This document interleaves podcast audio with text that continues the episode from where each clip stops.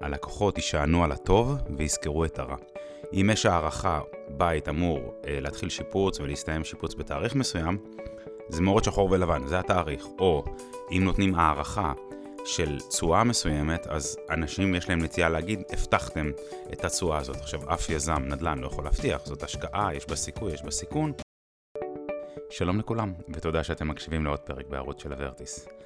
אנחנו מאמינים שהשקעה טובה מתחילה בהבנה ויצירת תיאום ציפיות עם המשקיעים.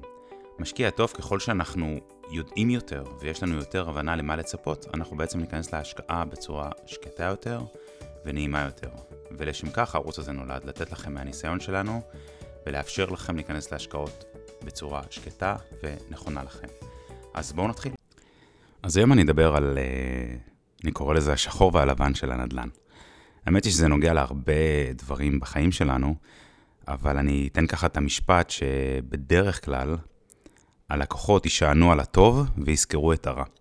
ומה הכוונה? אני אתן הרבה, הרבה דוגמאות, אבל זה מאוד מאוד פשוט, וזה מאוד מאוד חשוב להבין את זה, וזה תקף לגבי כל משקיע שמשקיע בנדל"ן בעיקר.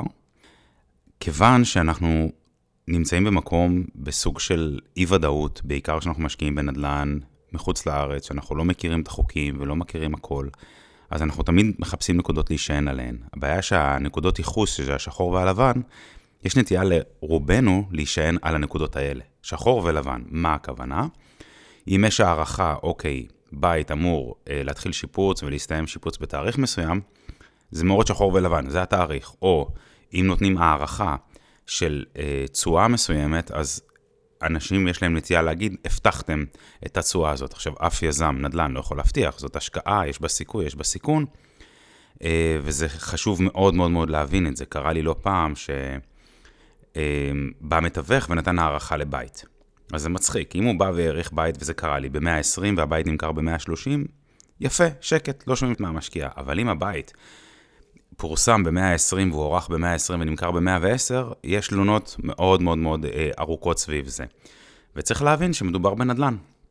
ונדל"ן זה עסקים, ועסקים זה אנשים, ואנשים יש להם את הדרך שלהם, לכל אחד יש את הדרך שלו. ואם היום מכרת בית, יכול להיות שיבוא איש עסקים וינסה לעשות איתך משא ומתן, אתה צריך להבין את זה. וכשעושים משא ומתן, כמו שיש סוגי אנשים, יש סוגי משאים ומתנים, ויכול להיות מצב שבן אדם ינסה פשוט להגיד אלף דברים, אפילו שהם לא תמיד נכונים ומדויקים על הבית, ולהוריד אותך במחיר. אתה מבחינתך כמשקיע מקבל את זה כשחור ולבן, אוקיי, הוא אמר את זה, כנראה הבית לא טוב או משהו כזה, וזה לא המקרה. יתרה מזאת, ברגע שיש הערכות, אז צריך גם להבין שמאוד תלוי גם בזמנים. היה לי מקרה, וזה מקרה עכשווי, של בית שנמכר, אבל הוא נפל על דצמבר, דצמבר זה תקופת חגים, אנחנו תמיד אומרים לאנשים, חבר'ה, דצמבר, ינואר, פברואר זה התקופות הכי לא טובות למכור, לא נהוג למכור. האנשים שוכחים את זה. שוכחים. הייתה לי משקיעה שהיה לה בית, שהעריכו את הבית, אבל החליטה להזניח את הבית. ארבעה, חמישה חודשים. אז היא אומרת לי, טוב, אז תמכור. אז אמרתי לה, צריך לבדוק עוד פעם. אז אמרתי, מה, אבל יש הצעה מלפני ארבעה, חמישה חודשים.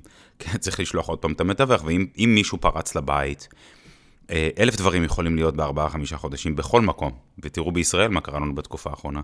אז צריך להבין שהדברים הם לא שחור ולבן. כן, אני יכול להגיד סיפור עכשווי גם שהיה לי.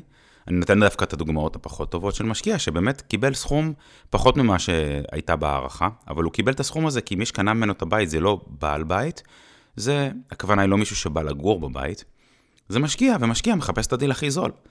עדיין הוא עשה רווח של קצת פחות מ-10% במכירה, אחרי ש... פחות משנתיים או בערך שנתיים, אבל, ואמרתי לו, זה הרווח הכי גרוע שהיה לי למשקיעים בתקופה האחרונה, בגלל שאחד, זה משקיע שקונה ממך, ושתיים, אתה נמצא לקראת סוף דצמבר, זו תקופה שהייתי אומר לך, תחכה רגע, אל תפרסם את הבית בתקופה הזאת. אז צריך מאוד מאוד להבין שהדברים הם לא, הם הרבה הרבה אפור, וצריך תמיד, אנחנו מנסים לעזור בהכל, אבל הדברים הם לא מוחלטים. בשום דבר הוא לא מוחלט. ולכן אנחנו משתדלים מאוד מאוד להיות זהירים. בהערכות גם, מתווך עצמו ביחסית קולע בדברים, אבל הוא גם יכול לעשות טעויות, או לא תמיד הוא יקבל את מה שצריך. ודוגמה טובה אני אתן לכם, מקרה של בניין קטן שהיה צריך למכור אותו, והוא נמכר דרך אגב. אה, המתווך העריך 330 אלף דולר בניין, ודיברנו עם האנשים בשטח, 330 אלף דולר. אני פניתי למתווך, אמרתי לו, בוא תפרסם בבקשה, בבקשה ב-370. עכשיו צריך להבין, בארצות הברית, אם אתה עושה משהו שהוא מעבר לקווים הנכונים, אתה תשרוף את המוצר, לא יקנו ממך את הבניין הזה. אני ביקשתי, כי אני מכיר את הסביבה, מכיר את, ה, את הכל, אמרתי לו, תפרסם ב-370. הוא אמר לי, תקשיב, יונתן, זה מוגזם בעליל. נעשה את זה קצר, 48 שעות אחרי שפרסמנו, הבניין קיבל הצעה של 350, והוא נחתם בחוזה ב-360. אוקיי? זה היה משא ומתן, 360 אלף דולר. שימו לב שהמתווך אמרת לא תמכור מעל 330 וגם אנשי שטח. זה פה אני אמרתי למשק... למשקיעה במקרה הזה, אמרתי לה, אפשר לקבל יותר על הבניין, ואני יודע שאפשר לקבל יותר. אז מאוד מאוד, אה, זה דוגמה גם של שחור ולבן. אז חשוב לי ככה להציף את הדבר הזה, שתבינו את הדבר הזה, ואתם צריכים להבין שכל דבר בנדל"ן, אם אתם סבלניים, בדרך כלל לא מסתדר, בדרך כלל מרוויחים כסף.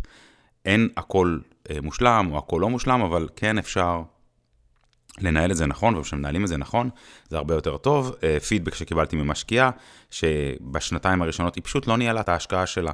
ואמרתי לה, זה מאוד פשוט, יש לך ארבעה דברים שתמיד אנחנו מדברים. תבדקי שכירות פעם בחודש, פעם בחצי שנה תבדקי שמשלמים לך את הארנונה, פעם בשנה תחדשי את הביטוח. האם עשית את זה? היא לא עשתה את זה במשך שנתיים. והיום היא בדיוק דיברה איתי בבוקר, והיא אומרת לי, אה, אני חייבת להגיד לך שמאז שהתחלתי לעשות מה שאתה אומר, ממש קל לי, ממש כיף לי. והיא נהנית, היא פשוט נהנית שאני נלחמתי בה שתמכור את ההשקעה שלה, כי הבית הוא שלה, והיא לא הסכימה. והיום היא אומרת לי, כיף לי, כאילו הבית עובד והכל. אז זה כיף גם לשמוע את הצד הזה, למרות שבדרך כלל פחות שומעים את הצדדים האלה מהמשקיעים. אה, וזה נטייה שלנו בכלל כלקוחות, שיש בעיה אם אנחנו נבוא ונדבר על הכל, כשהכל טוב, שקט. וזה יכול להיות יבוא מאמונה תפלה של לא לפתוח פה לשטן, או אני מעדיף להיות אל... אה, לא, לא להגיד תודה. לא משנה, זה כל אחד בזה שלו, הכל בסדר. אז כן היה לי חשוב לעשות את המיניקאסט הזה, ואני מקווה שנהניתם ושתרמתי קצת, והוא גם קצרצר כזה. מאחל לכם בשורות טובות, ותודה שהאזנתם.